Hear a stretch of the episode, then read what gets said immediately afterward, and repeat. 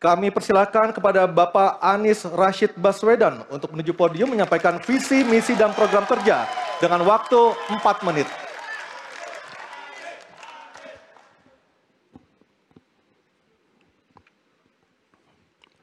Assalamualaikum warahmatullahi wabarakatuh.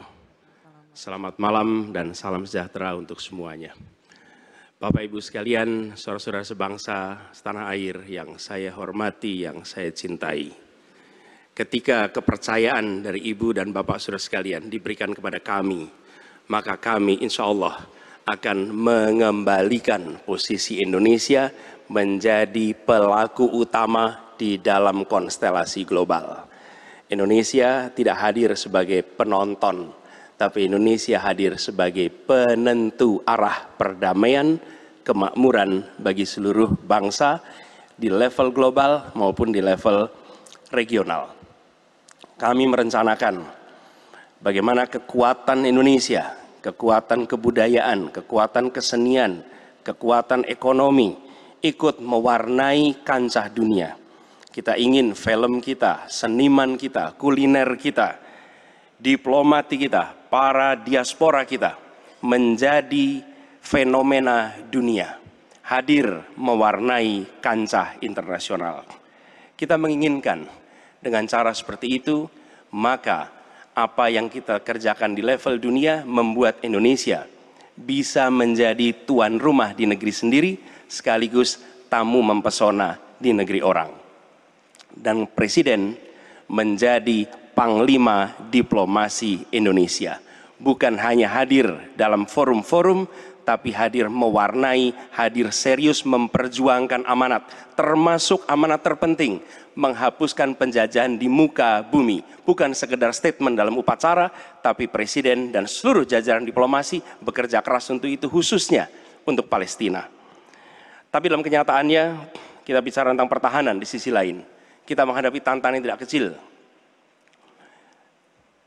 Dalam beberapa tahun terakhir ini, lebih dari 160 ribu orang meninggal, bukan karena serangan militer, tapi karena serangan virus.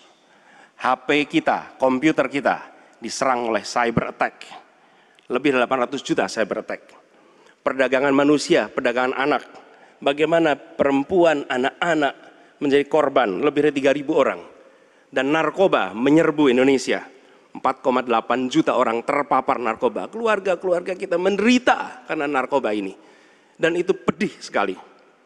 Itu tingkat keluarga. Pencurian ikan, pencurian pasir, itu menandakan bahwa kita kebobolan dan lebih jauh lagi, ironisnya, Kementerian Pertahanan menjadi kementerian yang dibobol oleh hacker di 2023. Sebuah ironi, karena itu kita ingin mengembalikan dan 700 triliun anggaran Kementerian Pertahanan tidak bisa mempertahankan itu, justru digunakan untuk membeli alat-alat alutsista yang bekas. Di saat tentara kita lebih dari separuh tidak memiliki rumah dinas. Sementara menterinya punya menurut Pak, Pak, Pak Jokowi punya lebih dari 340 hektar tanah di Republik ini. Ini harus diubah. Tambah lagi food estate singkong yang menguntungkan kroni, merusak lingkungan dan tidak menghasilkan. Ini harus diubah. Kami akan memulai dengan kepemimpinan yang menjunjung tinggi etika, kepemimpinan yang mengandalkan data, informasi, kapasitas yang serius. Kita ingin Republik ini berperan di level global, dijaga secara serius untuk rumah tangga, untuk nasional, sehingga kewibawaan kita adalah kewibawaan berdasarkan kekuatan. Untuk itu kita butuh perubahan. Terima kasih. Assalamualaikum warahmatullahi wabarakatuh. Baik, terima kasih Bapak Anies Baswedan dipersilakan kembali ke tempat. Harap tenang. Harap tenang, harap Kita tenang sudah hadirin, paham. harap tenang.